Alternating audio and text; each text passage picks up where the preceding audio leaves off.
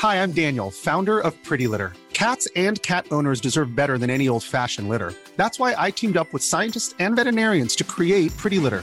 Its innovative crystal formula has superior odor control and weighs up to 80% less than clay litter. Pretty Litter even monitors health by changing colors to help detect early signs of potential illness. It's the world's smartest kitty litter. Go to prettylitter.com and use code ACAST for 20% off your first order and a free cat toy. Terms and conditions apply. See site for details. Quality sleep is essential. That's why the Sleep Number Smart Bed is designed for your ever evolving sleep needs. Need a bed that's firmer or softer on either side? Helps you sleep at a comfortable temperature? Sleep Number Smart Beds let you individualize your comfort so you sleep better together. JD Power ranks Sleep Number number 1 in customer satisfaction with mattresses purchased in-store. And now, save 50% on the Sleep Number limited edition Smart Bed for a limited time. For JD Power 2023 award information, visit jdpower.com/awards. Only at a Sleep Number store or sleepnumber.com. Ryan Reynolds here from Mint Mobile. With the price of just about everything going up during inflation, we thought we'd bring our prices down. So to help us, we brought in a reverse auctioneer, which is apparently a thing. Mint Mobile unlimited premium wireless. Ready to get 30, 30, bit to get 30, bit to get 20, 20, 20, bit to get 20, 20, bit to get 15, 15, 15, 15 just 15 bucks a month. So, Give it a try at mintmobile.com slash switch. $45 upfront for three months plus taxes and fees. Promo rate for new customers for limited time. Unlimited more than 40 gigabytes per month. Slows. Full terms at mintmobile.com. Here's a cool fact a crocodile can't stick out its tongue. Another cool fact you can get short term health insurance for a month or just under a year in some states. United Healthcare short term insurance plans are designed for people who are between jobs, coming off their parents' plan, or turning a side hustle into a full time gig.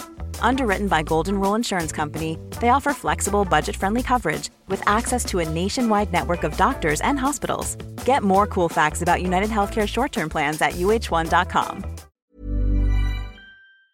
I don't need a lot of brains in this business. I mean, I've always said if you got an IQ of 160, give away 30 points to somebody else because you don't need it in investments. What you do need is emotional stability. Wow. Very first tech IPO, and it's a big one. Stock market hit an all-time record high today. A crash is coming. Now, whether it's six months from now, 12 months, 36 months, no one knows. There's a bear market about every five years. We've gone eight years without one. People have to realize this is the biggest IPO ever.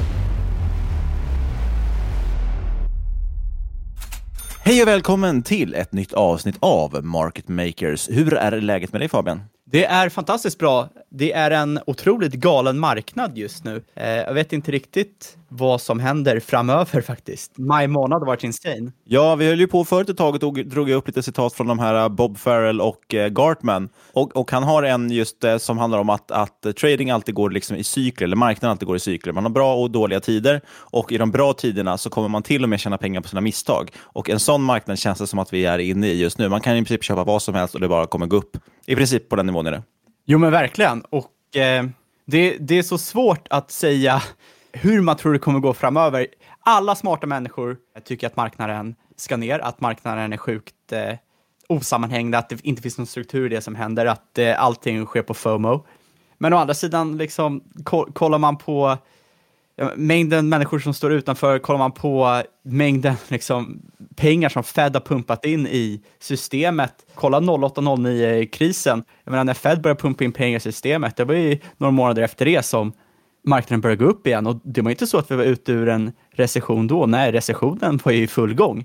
Så att, eh, jag vet faktiskt inte hur man ska tolka det här. Jag, på, påminner mig om en till eh, Gartman nu bara för det. Eh, och det är att han säger att det är mycket viktigare att förstå masspsykologi än, än ekonomi. Och det är väldigt sant just nu, för jag tror den som förstår eh, makro just nu, den, den, eh, den sliter sig bara i håret i princip. Det är bättre att bara kapitulera. Och det är bara att ta som exempel. Jag vet att eh, John Molden hade sin stora investeringskonferens nu, fick de ju köra på Zoom eller vad de körde för någonting, alltså på videokonferens istället för att ha fysiskt. Och då var det bland annat eh, Dave Rosenberg, tror jag var deras öppningsnummer, och det är en av, av mina stora favoriter i alla fall, bland marknadsanalytiker. Och eh, han, han är ju väldigt övertygad nu. Han tror att det som händer nu, den här stora chocken vi får, liksom, den deflatoriska chocken vi har fått och krisen, gör att folk kommer öka sitt sparande. Man kommer vara mer försiktig i framtiden, spara. Man har lärt sig en läxa av det här, eh, vilket jag menar rent historiskt, vi brukar inte lära oss läxor, så jag vet inte om det håller. Eh, men ändå, ändå ett vettigt argument. Liksom. Och samtidigt på samma konferens, då var det eh, en historiker faktiskt, Bruce Bartlett. Eh, eh han hade ju egentligen helt motsatt syn och tyckte att nej, det här kommer snarare tvärtom. Att, att nu kommer folk inse att oj shit, när som helst kan allt ryckas undan, undan fötterna på mig. Liksom. Helt plötsligt har, har vi lockdown. Liksom, det trodde man inte var möjligt för några månader sedan att vi skulle vara helt instängda. Eh, så han tror att vi skulle mer köra lite YOLO liksom, och leva för dagen. Och vilket kommer till att vi får mer då kanske eh, det glada 20-talet igen. Och det passar ju som inne i 20-talet nu. Det vill säga att det kommer vara helt jättebullish istället för eh, consumer spending. Alltså att, att eh, folk kommer spendera pengar liksom, som galningar. Absolut. Jag tror ju att, jag tror väldigt hårt på det Druckenmiller säger. Det kan gå upp ner var som helst. Men eh, eh det här är en tid för stockpicking. Och det här är en tid eh, för att framförallt hitta bolag som inte bara går helt okej okay i coronatiden utan faktiskt gynnas. För då, det, det svåra just nu är att om du har ett bolag som kanske är en två, tre dubblare på några års sikt, men det finns en risk att det backar 50% kortsiktigt, hur positionerar du dig då? Ja, och det är liksom det som är så himla svårt med om man tittar på marknaden stort just nu. Det är att jag tycker jag samtidigt ser liksom det här med att det här är den mest hatade bullmarknaden någonsin. Alla är så himla bearish, liksom, men marknaden bryr sig inte. Och samtidigt ser jag folk som är så otroligt bullish. Eh, jag tycker liksom inte det finns något tydligt sentiment just nu, utan det är extremt blandat. Eh, och, och vill man vara positiv, det finns fortfarande mycket som kan eh, trycka det här uppåt liksom, ytterligare. Till exempel så liksom, alltså det är fortfarande väldigt mycket pengar på sidlinjen. Det är svårt att tro kanske, eh, men skulle man liksom bara återgå till 2019 års liksom, allokeringar så skulle det innebära att man, man drar in närmare en eh, vad blir det, biljon dollar, alltså one trillion dollars eh, skulle in på börsen då om, om vi skulle ha sam, lika stor mängd pengar, eh, lika stor aktieexponering. Eh, och det, det är en rätt, rätt stor köpsnurra.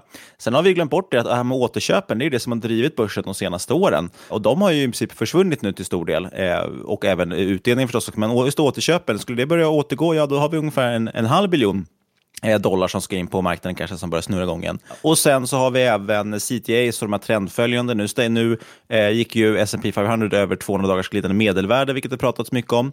Eh, vi spelar in tisdagen den 26 maj. Eh, och ja, får vi då liksom ett, ett, en stängning däröver och kanske har ett, fler sådana trendindikatorer som, som ser positiva ut, ja, då ska ju CTAs in igen och det är 300-400 miljarder dollar. Slår man ihop allt det här så har vi närmare 2 biljoner dollar liksom i, FOMO-pengar som ska in så att säga. Och vi ser samtidigt då också att, att retail-investerare spekulerar nu för glatta livet. Eh, jag såg en kurva på eh, antalet Robinhood-medlemmar. Robin Hood är ju den här gratisappen, eh, eller det är en, en aktieapp i, i, USA som är väldigt populär bland just retail-investerare. Eh, alltså nivåerna de trycker, liksom går in på just nu, antalet användare de har just nu, är helt sanslöst. Det har verkligen gått through the roof. De har ju köpt dippen. Eh, och Exakt, man ser, man ser hur eh, det här buy the dip-mentaliteten har påverkat retail-investeraren. Verkligen, och då kan man gå tillbaka till Bob Farrell igen. Eh, the public buys the most at the top and the least at the bottom. Absolut. Eh, jag såg no just apropå det här med, eh, med Robinhood-investerare, eh, Ehm, var ju det här bilbolaget, eller biluthyrningsbolaget Hertz, gick i konken häromdagen och eh, deras aktiekurva var i stort sett inverterad med mängden köpare av aktien på Robinhood.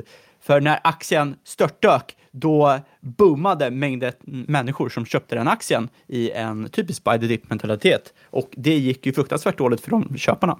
Det är väl tyvärr, folk tittar kanske lite för mycket på P tal och sånt som ser bra såklart ut när aktiekursen går ner fortare än, än det kommer in nya siffror. Och då blir det ju klassiska value traps. Absolut, och jag tror verkligen att det är en marknad som är väldigt farlig, finns väldigt mycket value traps. Eh, jag tror att det kan finnas väldigt många black swans som man eh, inom bolag att du går och trampar på en mina oavsiktligt. Eh, och det gör ju att bolag som kanske har gått, har haft ett otroligt rally, gått 50, 60, 70 procent sen botten eller mer 100 procent, de kanske är ett bättre köp än de som eh, är ner 30, 40, 50 procent på året. Men absolut, och det, det, är ju lite på grund av det här som vi pratade om innan vi började spela in, så att vi pratade lite om det här med, eftersom kapitalkostnaden är så pass låg, eller det är liksom i princip fri tillgång på kapital just nu, eh, så är det inte lika viktigt det här egentligen med vad, vad saker kostar då heller riktigt. Utan det viktigaste är att har du tillväxt liksom, så är det det marknaden premierar. Exakt, och eh, man, det är fortfarande många bolag som inte riktigt eh, kan eller vill köra på det eh, eftersom marknaden håller så hårt vid marginaler. Marknaden premierar fortfarande, eh, i alla fall analytiker, växande, växande marginaler, ökade vinster. Men när tidsvärdet på pengar minskar, ja då är, liksom, då är det tillväxt som är det viktiga, att ta större marknadsandelar för att i framtiden kunna generera en större, det är ju så otroligt mycket mer värt. Precis, men vad ska vi prata om idag? Jo, vi ska prata lite om stockpicking och framförallt om eh, den stora API-ekonomin och eh, vi har ett riktigt spännande case om det också. Som vi kommer nog, det kommer nog fortsätta på det temat här i kommande avsnitt också. Eh, vi har ju hit, tittar ju väldigt mycket just nu på spännande techbolag. Det är det vi känner att vi, vi kan också, så att säga.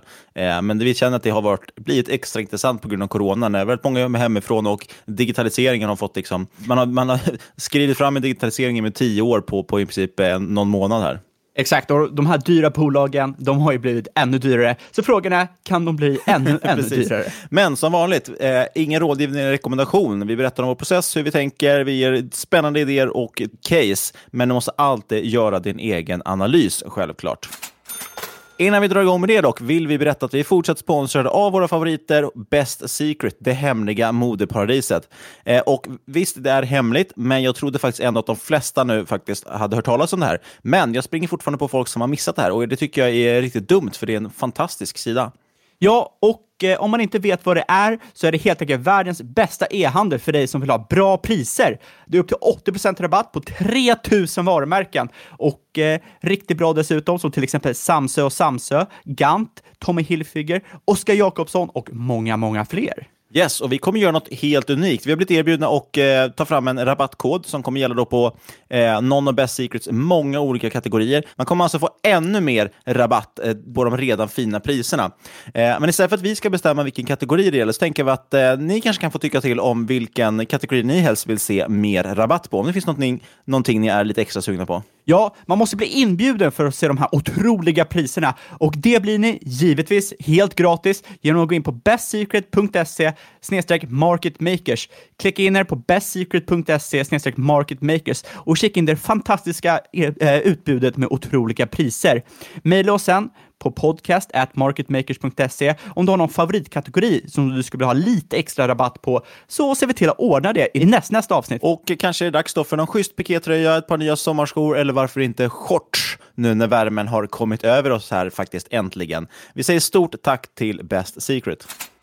Ja, då öppnar vi upp det här avsnittet på riktigt med att gå in på API-ekonomin och eh, software stacks. Eh, inte Sebbe Stacks. tyvärr inte. och det har ju blivit en väldigt het trend de senaste fem åren. Och helt enkelt möjligheten att outsourca eh, funktionaliteter till andra företag. Eh, ni kanske kommer ihåg när vi rapporterade att Plaid blev uppköpt av Visa och varför det här var intressant. Egentligen var det ju så att Plaid erbjöd en uppkoppling via API till olika finansiella tjänster, till exempel att se ens bankkonto eller forna transaktioner. Eh, ni får komma ihåg att många banker i USA, de är inte särskilt utvecklade än, till skillnad mot många svenska banker, och har inte möjlighet att tillgodose en säker inloggning mellan bank och kund för att de har väldigt gammal infrastruktur. Och det här tyckte Visa om, som köpte upp Plaid och de såg helt enkelt en möjlighet att kunna bli en plattform för alla finansiella tjänster Och eh, jag tror att den här marknaden verkligen reflekterar hur den här typen av API-tjänster eh, har en väldigt stor framtid. Ja, och, och, och, vi kanske ändå ska backa ett litet steg, även om vissa känner igen uttrycket API. Om man ska dra någon form av liknelse, det handlar egentligen om att det är ju det, det man använder egentligen för att koppla ihop olika tjänster på nätet, om man ska förenkla lite grann. Eh, precis som att om jag vill kunna skicka ett paket till någon, istället för att behöva hyra en häst själv och rida med det, så kan jag ju då nyttja till exempel Postnord, DHL eller någon och göra så att de skickar paketet. Och egentligen är det här samma sak, men det finns ju massa olika tjänster istället för att jag ska e e utveckla allt själv. Vi pratade om Shopify här för någon vecka sedan och istället för att de ska behöva ta fram en egen betallösning, vilket de för sig har gjort nu, men innan de hade det så kunde de ju då bara använda ett API och göra, ha kontakt med till exempel Stripe eh, som skötte då betalningarna. Så behöver man liksom inte bygga allt själv, så att man på ett sätt då kan bygga massor med moduler och så låter man de här prata med varandra via det API. Eh, så man pratar ju ibland lite, kallar det här lite för software plumbing, alltså egentligen rör, rören, liksom, eller avloppet som håller ihop och kopplar ihop hela nätet kan man säga. Exakt, och eh, det är helt enkelt en enkel lösning för att kunna få ge ut så många funktionaliteter till sina användare som möjligt utan att behöva utveckla och hantera eh, en egen lösning. innebär ju liksom en stark ökad eh, produktivitet och framförallt tillåter det ju bolag att fokusera på sin kärnverksamhet, men kan fortfarande lansera många funktionaliteter eh, väldigt, väldigt snabbt. Och Sen finns det en ytterligare dimension i det här som, som har tillkommit lite senare. Och det är att istället, nu pratar vi om bolag ofta som har någon viss tjänst, som de är liksom en liten modul i en stor lösning och så säljer de den lilla tjänsten till folk som behöver just det, till exempel betallösning. Sen har vi en hel värld med massvis med företag som har då köpt massvis med olika blandade tjänster från olika liksom, leverantörer. Du använder Microsoft för att lagra filer i, i, i deras moln. Eh, du använder Fortnox för att sköta din bokföring. Och sen så har du eh, Lime CRM, säger vi till exempel.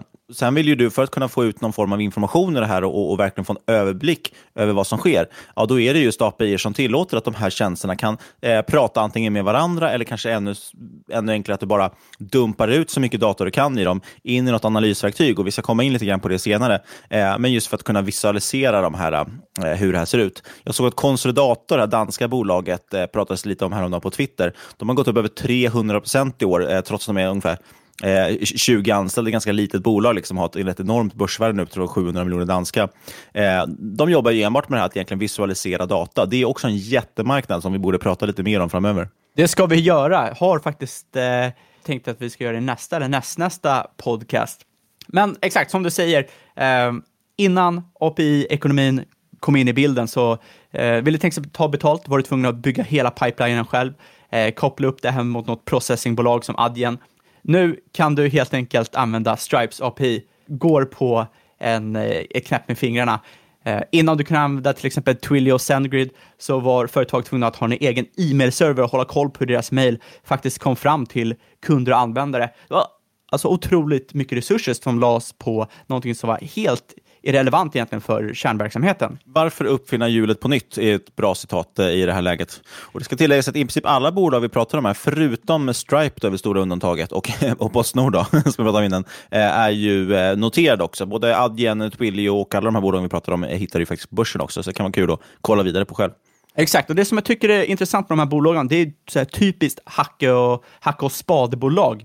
De kommer in, äh, finns det finns otroligt många olika typer av bolag. Eh, hosting, infrastruktur, lagring, kommunikation, eh, kollaboration, eh, analys som du sa, customer service och säkerhet. Hur många bolag som helst. Och eh, ett hett tips jag har om man vill liksom veta hur den här typen av API-ekonomin eller eh, software stacks fungerar, det är att gå in på en hemsida som heter stackshare.io eh, för att kolla på vilken mjukvara används av eh, olika typer av företag. För jag tror att det är väldigt vanligt att eh, speciellt om man inte är så insatt i eh, det tekniska, att man tror att innovativa bolag är helt koder från grunden av företaget. Och det är så de blev så stora och framgångsrika. De hade de bästa koderna som kunde koda eh, upp hela företaget från scratch. Och, eh, så är det ju inte. Du har, de kodade sin kärnprodukt och sen nu över tid, framförallt de här internet first-bolagen eh, som Google och eh, Eh, Microsoft och allting. De köper in så otroligt många tjänster som inte tillhör deras kärnverksamhet,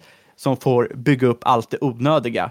Ja, och anledningen varför jag tror på de här bolagen just nu, det är att trots att de är dyra som satan och som jag sa, de har blivit ännu dyrare bara de senaste en, två månaderna, är ju att eh, nu har vi liksom rekordhöga krav från konsumenter och det här ställer ju väldigt höga krav på produkterna som kommer från företagen. Och då räcker det inte med att man bara halvdant snickar ihop någon typ av lösning om man vill ta till exempel betalt eller eh, autentisera eh, identiteter eller vad som helst. Eh, det krävs nästan alltid att du köper in den här tjänsten från någon som är top of the line. Och eh, framförallt när det kommer någon typ av eh, eh standard i en bransch så måste alla företag hänga med eller åka ut för alltid. Och det absolut enklaste sättet då är att köpa in de här typerna av tjänster. Och eh, jag tror inte alls det här kommer minska framöver. Kunders krav kommer antagligen bli ännu högre och jag tror eh, inte heller att digitaliseringen kommer minska. Ja, men, men det som jag tror kan vara svårt kanske som utomstående, om man tittar på de bolagen, ja, vi, många har en väldigt spännande teknologi. Tittar man på svenska börsen, jag tror många har sett den här otroliga tillväxten som har till exempel Sinch har haft och blivit en otroligt populär aktie och gått väldigt, väldigt bra. Eh, och de liksom, det låter ju så jäkla bakåtsträvande de, använder de skickar ju sms, det är ju egentligen deras stora grej. Men det är just en typ av sånt API-bolag, det vill säga du, du behöver kunna skicka sms ut till, till kunder eller, eller vad det än kan vara. Eh, ja, istället för att då sitta och bygga och koppla ihop telefoner och få till att det kan levereras och dessutom leverera över hela världen. Eh, ja, då kan ju bara med, med en liten månadskostnad och så liksom, eh, lite enkel kod så har du plötsligt integrerat mot ett, en hel stack liksom färdig med som kan skicka de smsen. Men det som kan vara svårt, då, som sagt, eh, om man inte är helt insatt i det här, det, det, är ju en viss teknikhöjd då som krävs för att förstå det.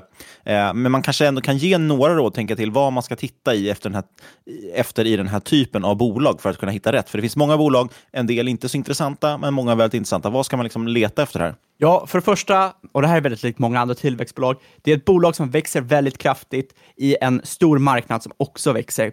Jag tycker att ett bolag ska minst ha 20% omsättningstillväxt och gärna högre. Ska vara marknadsledare i sin nisch, antingen om det är ett nytt område eller om det är som disruptor. Och, och det är alltid säkrast att ta marknadsledaren. Ja, och det där är faktiskt väldigt viktigt att säga, för att när man hör det högt så låter det lite som det är extremt höga krav. De ska ha 20 omsättningstillväxt, eh, marknadsledare och allt det här. Eh, men andra säger att det går att hitta sådana bolag, så varför, vara, varför inte vara kräsen med det du investerar i? Man, det är alltid lättare så att säga följa med och, och le, vara i en marknadsledare. Eh, och jag tycker det är jätteintressant det du säger med bolag som växer kraftigt, men också i en marknad som växer. Jag hade en diskussion med någon på Twitter här om just det här konsolidator som vi pratade om, som då kan vara ett väldigt intressant bolag, men det, det är också väldigt dyrt, eller ser hiskeligt dyrt ut på nuvarande i alla fall, på nuvarande historik. Men det är väl också just grejen, så hur ska de kunna slå, stå sig mot till exempel Microsoft med sitt Power BI eller ClickView som är extremt stort också, eh, svenskgrundat. Hur, hur ska man liksom kunna stå sig på marknaden där det finns så otroligt många konkurrenter och stora jättar? Ja, det är frågan, de kanske inte kommer kunna liksom konkurrera ut de jättarna, men å andra sidan så agerar alla på en marknad som växer otroligt snabbt, där väldigt många har just de här behoven av analysverktyg. Eh, så att hitta även ett bolag liksom som är halvdant eller inte best in class, kan till och med de kanske eh, frodas på så länge marknaden växer tillräckligt mycket. Nej, eh, sen tycker jag inte man nödvändigtvis behöver vara rädd för det heller. Och där är självklart från case till case. Men det är ju väldigt många som är rädda för att de här bolagen ska tappa Eh, business när jättar som Amazon, Google eller Microsoft kommer in och släpper liknande tjänster. Men vad jag har erfarit är att många CTOs och många utvecklare, de tar hänsyn, väldigt mycket hänsyn till idag att inte bli locked in till en enda vendor eh, för då har de ju lämnat ifrån sig all makt. Om de lägger alla, lägger, äh, lägger alla ägg i en korg för alla sina olika tjänster de behöver. Äh, dessutom har enskilda företag alltid, skulle jag säga, eller nästan alltid högre specialitet inom sitt område, vilket gör väldigt svårt att eh, replikera Nej, och sen är det svårt hur man ska ta hänsyn till det här med multiplar, för det är ofta hiskliga multiplar och lite som vi var inne på, att det viktigaste, det som många premierar idag, är ju tillväxt. Det kan man ju såklart ha synpunkter med, men det är lite så verkligheten ser ut, så ibland visar de ingen vinst med bolagen. Det som kan vara intressant att titta på, det är ju lite det med enterprise value genom sales, Eh, kan man ta upp som ett tal. Enterprise value tycker jag i alla fall är intressant just för att den tar lite hänsyn till kassa också. Du vill gärna ha ett välkapitaliserat bolag. Samtidigt som i och för sig, man ska gärna också ta hänsyn till att titta på lite mer utspädning och så. Jag, jag gillar inte riktigt heller bolag som gör nyemission på nyemission, även om det såklart egentligen är smart när kursen är hög. Eh, men då blir det ju också utspädd. Många av de här, nu börjar vi gå in på lite teknikaliteter kanske, men många av de här har ju också ofta stora optionsprogram och så, om det är lite klassiska startups, eh, vilket också är värt. Alltså mycket stock-based compensation och sånt som man måste kolla på, så att man inte blir utspädd och, eh, Eh, och så vidare. Eh, men, men, har du någon, någon, synpunkt på det? Hur man, eh, det finns ju den här Rule of 40 till exempel.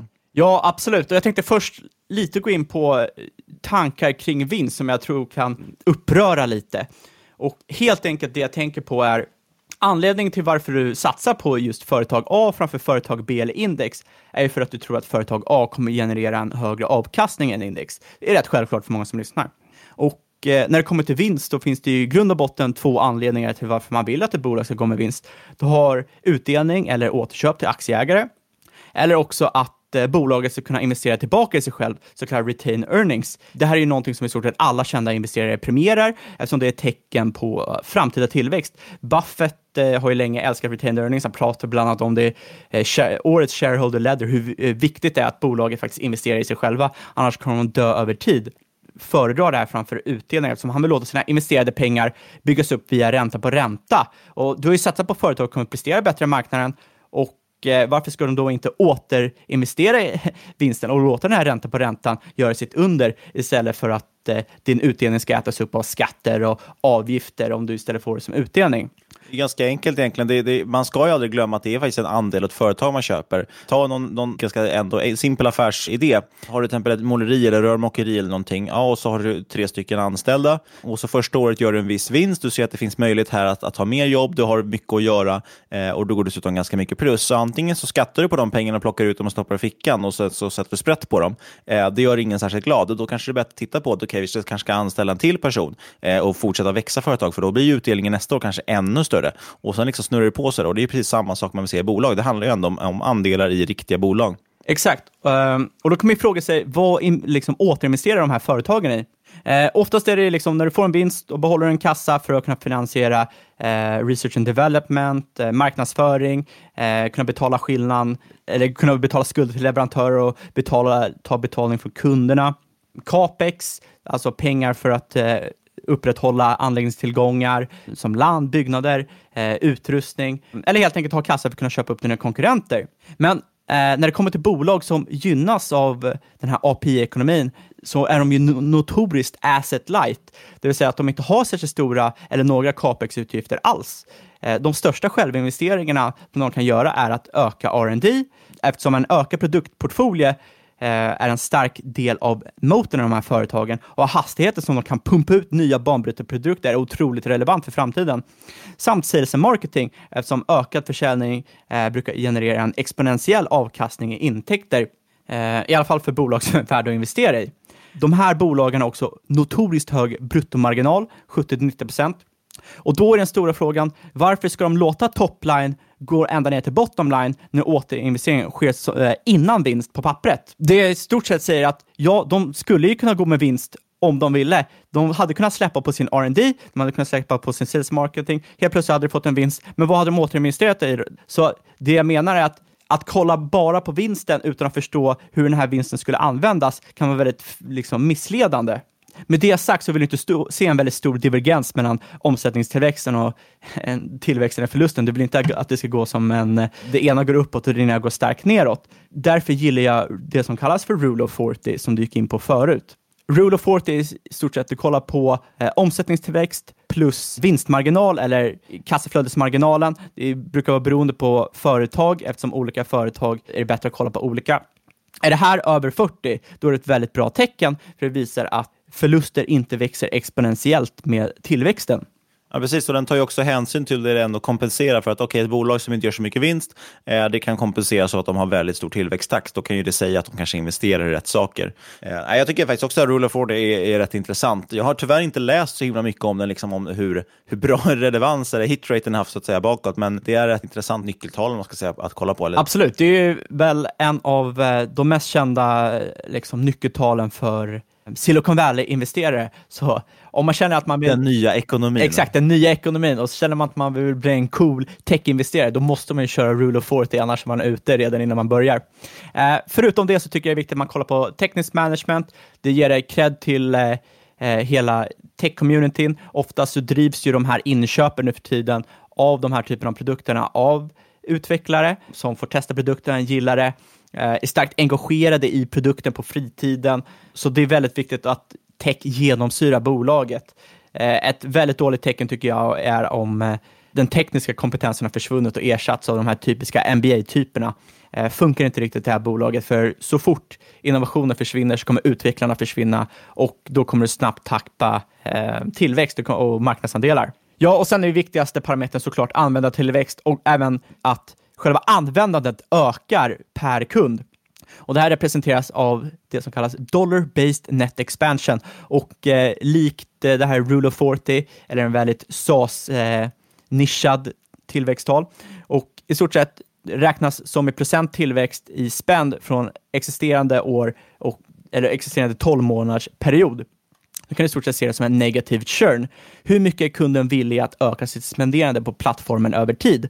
Och denna ökning ska gärna vara eh, 20% ökning år till år, eftersom det är detta som driver recurring revenue. Det är det här Fortnox har varit så otroligt framgångsrika i. Delvis har ju de hela tiden tillväxt i antalet företag som ansluter sig och använder dem, men de har ju också hela tiden lyckats bygga på, på vertikalen liksom, att, och att få människor att köpa mer och mer av deras tjänster. Så att när man utökar till den eh, mängden pengar kunderna stoppar in i bolaget eller köper tjänster för. Eh, och Det gör ju väldigt stor, eh, stor skillnad. Exakt, och det är därför det är så viktigt att bland annat ha en eh, produktportfölj som har väldigt snabba utvecklingscykler och pumpar ut funktioner som kunden verkligen vill ha. För då ökar det ju eh, sannolikheten att de ser någon mer funktionalitet de vill ha och blir ännu mer ingrodd i systemet. Och med det sagt så går vi in på dagens företag.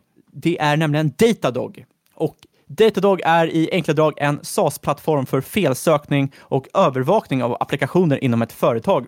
Eh, grundades 2010 genom att släppa verk, eh, verktyg för det som kallas för Infrastructure Monitoring och eh, visar i stort sett information hur individuella komponenter fungerar tillsammans, typ eh, eh, operativsystem, servrar, lagring, för att man ska få en big picture över prestandan. Och det expanderade snart till eh, application performance management, logging av olika typer, användaraktivitet, eh, nätverksmonitoring och eh, nyligen säkerhet.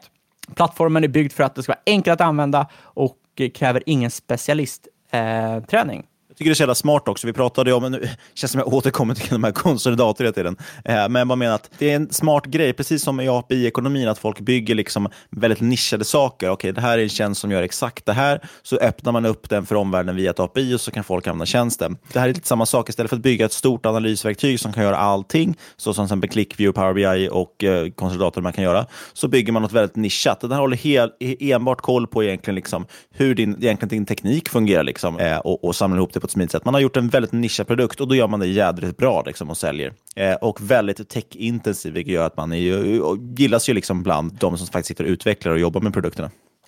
Absolut, och den här typen av lösning så kommer det bara bli allt viktigare eftersom eh, fler företag ökar mängden funktioner de har i sina applikationer. De kommer ta in fler APIs, eh, ta hjälp av de kommer emigrera till cloud, använda mycket mer olika typer av software stacks och då att kunna hålla koll på var fel uppstår i den här processen är otroligt eh, viktigt. Men om vi liksom spårar tillbaka lite till att prata lite mer om själva produkterna och vad som har fått dem att springa om alla sina konkurrenter. Bolaget började eh, som sagt med infrastruktur, eh, övervakning 2012 och eh, det som var genialt med Datadog är att de tog produkter som såldes enskilt för övervakning och kopplade ihop de här till en typ av superapplikation. Det här med observerbarhet är extremt viktigt för företag. Eh, går en sida ner eh, eller får avbrott så måste man ju snabbt kunna identifiera grundorsaken. Och eh, när man observerar så innebär det helt enkelt att man fångar upp all eh, prestandadata och eh, när problem infinner sig så kan man analysera den här datan för att hitta problemet oavsett om det beror på CPUn eller på eh, query till en databas. Man kan helt enkelt hålla koll på hälsan i systemet och det här loggas och man kan se hur det går genom hela plattformen. Och det här har funnits länge, men som sagt så var tidigare lösningar fristående företag. Du hade ett företag för logganalys, ett för tracing genom applikationen och det gjorde det väldigt svårt att identifiera problem när de väl uppstod. Och Datadog kom med en helhetslösning som gav övervakning och eh, samtidigt som det gav kontext, det gav en holistisk vy. Och det här tror jag bara som sagt kommer bli ännu viktigare med tiden. Eh, dessutom släppte de ju många eh, lite lätt innoverande pricingmodeller som helt konkurrerade ut deras konkurrenter. Med deras logganalystjänst så släppte de till exempel något som kallas för Logging Without Limits, som innebär att Datadog loggar allt och sparar åt kunden för framtida analys. Och det här var väldigt stort eftersom konkurrenter eh, på den tiden tog betalt för eh, den totala volymen data som loggades, oavsett om man analyserade det eller inte. Så det var väldigt, det var tvungen att vara väldigt eh, noga med vad det faktiskt skulle lagra innan Datadog kom och lagrade allting. Eh, och det gjorde ju att de såg som en väldigt innovativ spelare. Sen 2019 så släppte de Synthetics och Real User Monitoring. Eh, helt enkelt tillåter de simulering av faktisk användning inom webbapplikation, webb, webbapplikation. eh, Real User Monitoring fångar hur användare använder applikationen för att kunna hitta potentiella fel som är i applikationen. Sen dess har de även släppt eh, Network Performance Monitoring och som sagt en tjänst. Och alla de här lösningarna körs på Datadogs plattform. Eh, och Det som är intressant då är att plattformen kan integreras med 400 tredjepartstjänster. Eh, alla de kända SaaS och cloudbolagen, eh, automatiseringstjänster, bug tracking, alla databaser och så vidare. De är väldigt öppna med sin utveckling och de har faktiskt open sourcat sin mjukvara så att användare kan ha full koll på vad den innehåller, vilket är otroligt positivt från en, utveck liksom en utvecklares sida. Och Det här är ju typ ett exempel på hur man kan nyttja just alla de här öppna API-erna för att eh, eh, bygga en fantastisk tjänst. Hade inte de, alla de här eh, cloud-tjänsterna till exempel och, och plattformarna haft API-er som man kunde prata med, då hade Datadogs tjänst inte funkat överhuvudtaget. Det handlar om att de måste kunna hämta data från de olika tjänsterna och då bygga ett, ett mervärde i det. Exakt. Ja, som sagt, det här kommer inte minska det här med observability, som det heter på engelska, utan kommer snarare bli allt viktigare eh, i och med språnget mot digitalisering och eh, alla kunders krav på bättre service. Eh, Gartner anser att eh, bara spend på det som kallas för IT Operations Management kommer uppgå till 37 miljarder dollar 2023 och eh, Datadog anser att de är på en av de bästa positionerna eh, just nu för att eh, ta sig an det här och framförallt så växer de snabbast av alla sina konkurrenter. Dessutom breddar de sig nu mot andra vertikaler som säkerhet. Eh, någonting som är väldigt intressant med eh, Datadog är att många av deras deals kommer från att eh, de ersätter antingen hemmagjorda lösningar eller open source-lösningar hos företag.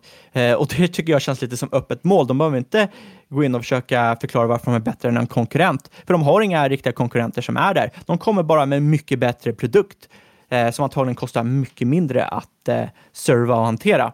Ja, och så har de en ganska klassiskt prisupplägg, det vill säga du betalar ju liksom mer och mer desto mer du använder tjänsterna. Du kan börja väldigt enkelt och sen i takt med att ditt företag eller ditt behov i allmänt växer så kan du liksom bara utöka eh, tjänsterna du kör. Eh, men vi kanske kan nämna ändå några, eh, några konkurrenter de har. Det finns ju ändå en del. Absolut, och eh, de har väl tre stycken konkurrenter som man kan klassa som fullblodiga kon konkurrenter. Och Det är New Relic, Splunk och Dynatrace. Och sen en konkurrent som är mer av en generisk lösning som är Elastic. Jag tänker vi kan börja lite med Elastic som från början byggde sökfunktioner. Eh, ni har nog använt dem eh, Elastic tidigare. De står ju nämligen för eh, eh Tinders swipe-funktion. Eh, står också för när Uber ska hitta en fin bil åt dig. Faktiskt är det så att Elastic används av 30 procent av Global 2000-företag. Eh, så de är väldigt bra positionerade, men som sagt, de är ju inte en eh, fullblodig felsökningsplattform. De är ju en sökfunktionsplattform från början, men har numera lagt till logg och analysprodukter i sortimentet.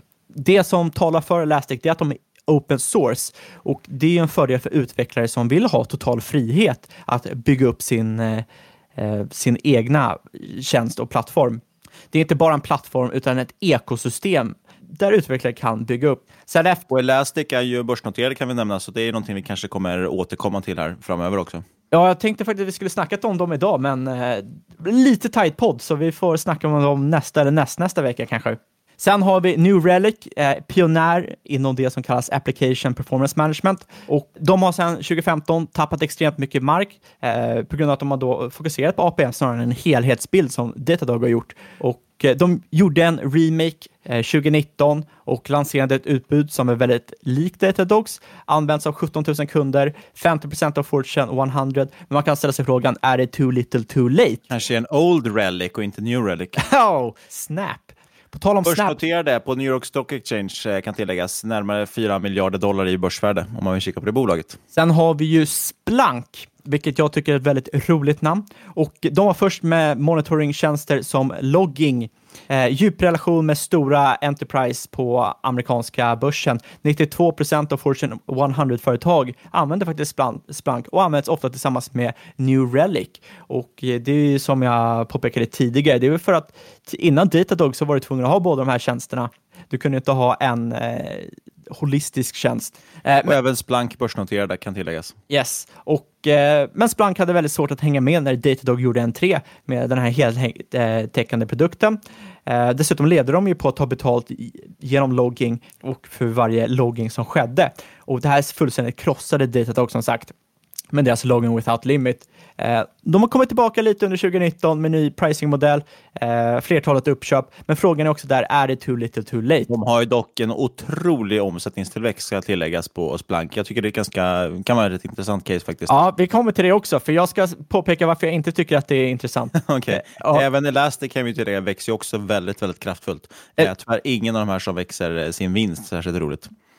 Elastic tycker jag är väldigt intressant, men av en annan anledning. Sist men inte minst har vi Dynatrace, eh, också APM-fokuserade, stabil portfölj med många produkter, Eh, används av många så här, eh, traditionella bolag som SAP, Daimler, Porsche, men inget internetbolag som jag tycker är väldigt eh, dåligt. Det är ett dåligt tecken enligt mig, för det visar ju att inga av de här eh, färska bolagen som är innovativa tycker att de är tillräckligt bra. Och jag tror att det här har med att göra att de har haft flera flertalet uppköpt av P-bolag och är inte särskilt innoverande längre. Men okej, okay, där är massor med bolag. Hur har man koll på eh, vilket som är intressantast? Jag tycker enligt sann Rule of 40 är att kolla på tillväxten.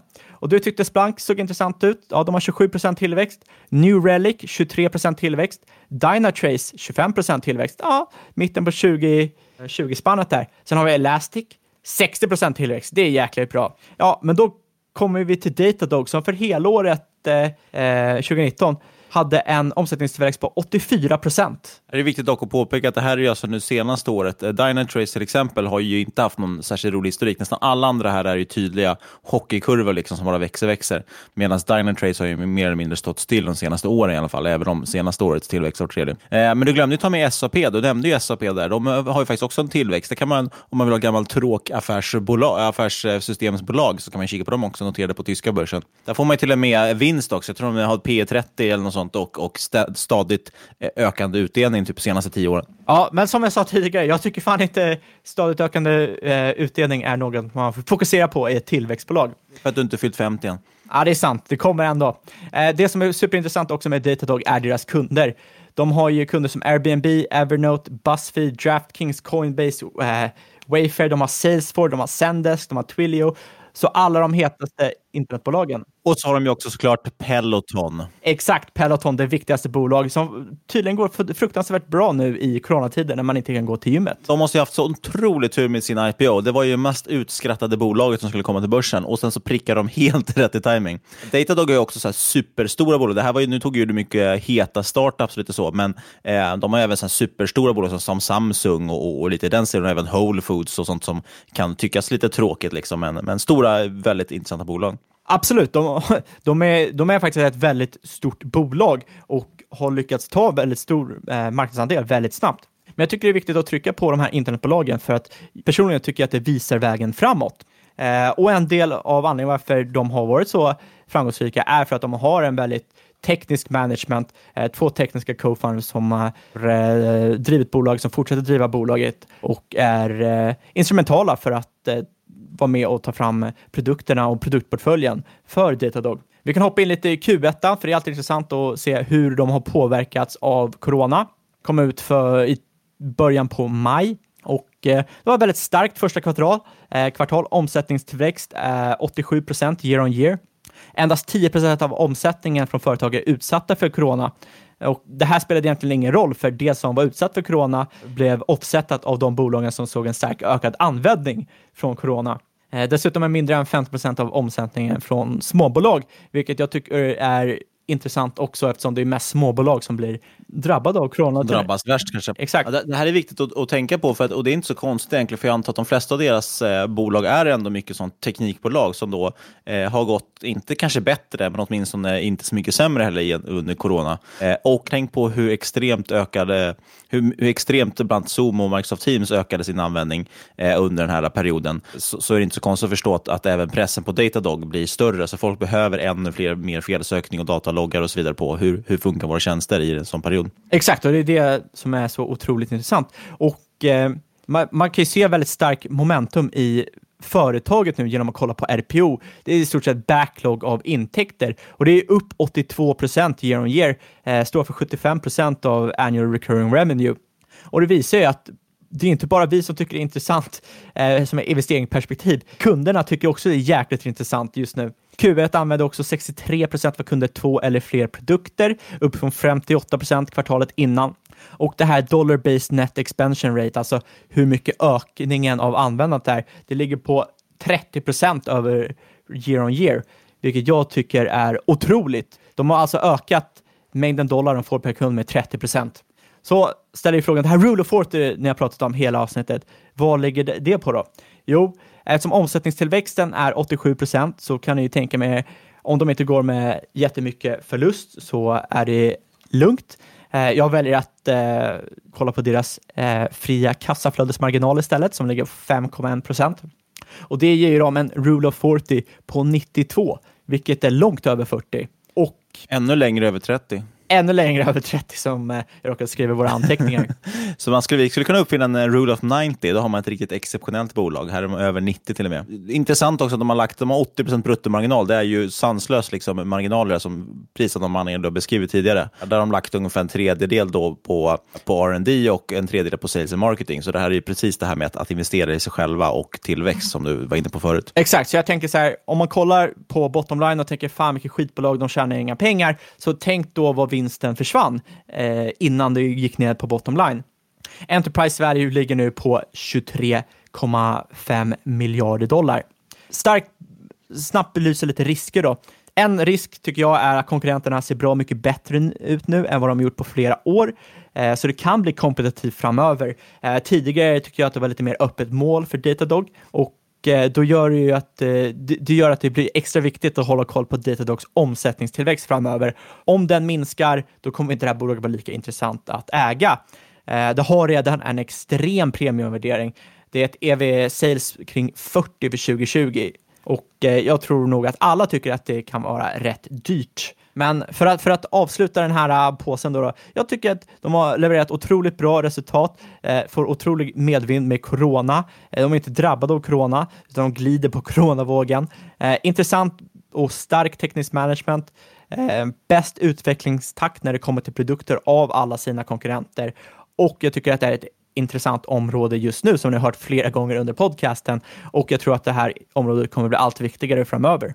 Jag är helt enig med dig. Jag tycker faktiskt att det här är ett väldigt spännande bolag och eh, all form egentligen av dataanalys är väldigt, väldigt intressant tycker jag. Det är något vi verkligen ska kika vidare på eh, till kommande avsnitt också.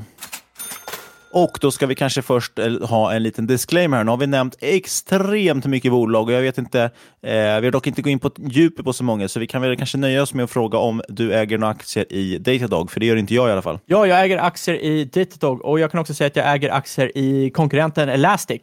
Oj, oj, oj, oj. Ja, prat, eh, tala ja. min egna bok, som man säger. Påsa bolagen. Eller förklara varför man agerat som man agerat. Det är olika sätt, sidor av samma mynt. Eh, men oavsett så ska du komma ihåg att inget hört den här podcasten ska ses som rådgivning. Alla åsikter våra egna eller vår gäst och eventuella sponsorer tar inget ansvar för det som sägs i podden. Tänk på att alla investeringar är förknippade med risk och sker under eget ansvar. Vill du bli förknippad med risk? Kontakta oss på podcast@marketmakers.se eller på Twitter at marketmakerspod. Ja, och ni får jättegärna kika in vår sponsor bestsecret.se marketmakers. Det är ett otroligt, en otrolig e-handel faktiskt med otroliga priser på fantastiska varumärken. Jag tycker verkligen man ska kika in på det nu när man har chansen. Men sist men absolut inte minst. Tack för att du har lyssnat. Vi hörs igen om en vecka.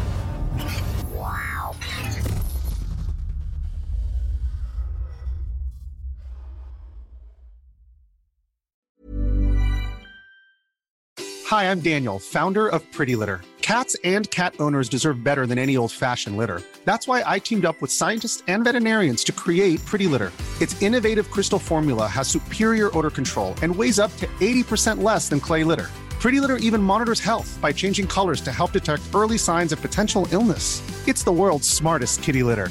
Go to prettylitter.com and use code ACAST for 20% off your first order and a free cat toy. Terms and conditions apply. See site for details.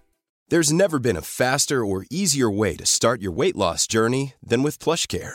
PlushCare accepts most insurance plans and gives you online access to board-certified physicians who can prescribe FDA-approved weight loss medications like Wigovi and Zepbound for those who qualify. Take charge of your health and speak with a board-certified physician about a weight loss plan that's right for you. Get started today at plushcare.com slash weight loss. That's plushcare.com slash weight loss. plushcare.com slash weight loss. Life is full of what ifs. Some awesome, like what if AI could fold your laundry? And some, well, less awesome, like what if you have unexpected medical costs? United Healthcare can help get you covered with Health Protector Guard fixed indemnity insurance plans. They supplement your primary plan to help you manage out of pocket costs. No deductibles, no enrollment periods, and especially no more what ifs. Visit uh1.com to find the Health Protector Guard plan for you. Quality sleep is essential. That's why the Sleep Number Smart Bed is designed for your ever evolving sleep needs. Need a bed that's firmer or softer on either side? Helps you sleep at a comfortable temperature? Sleep Number Smart Beds let you individualize your comfort so you sleep better together. JD Power ranks Sleep Number number 1 in customer satisfaction with mattresses purchased in-store. And now, save 50% on the Sleep Number limited edition Smart Bed for a limited time. For JD Power 2023 award information, visit jdpower.com/awards. Only at a Sleep Number store or sleepnumber.com. Since 2013, Bombas has donated over 100 million socks, underwear, and t-shirts to those facing homelessness. If we counted those on air, this ad would last over 1,157 days. But if we counted the time it takes to make a donation possible, it would take just a few clicks. Because every time you make a purchase, Bombas donates an item to someone who needs it. Go to bombas.com slash ACAST and use code ACAST for 20% off your first purchase. That's bombas.com slash ACAST, code ACAST.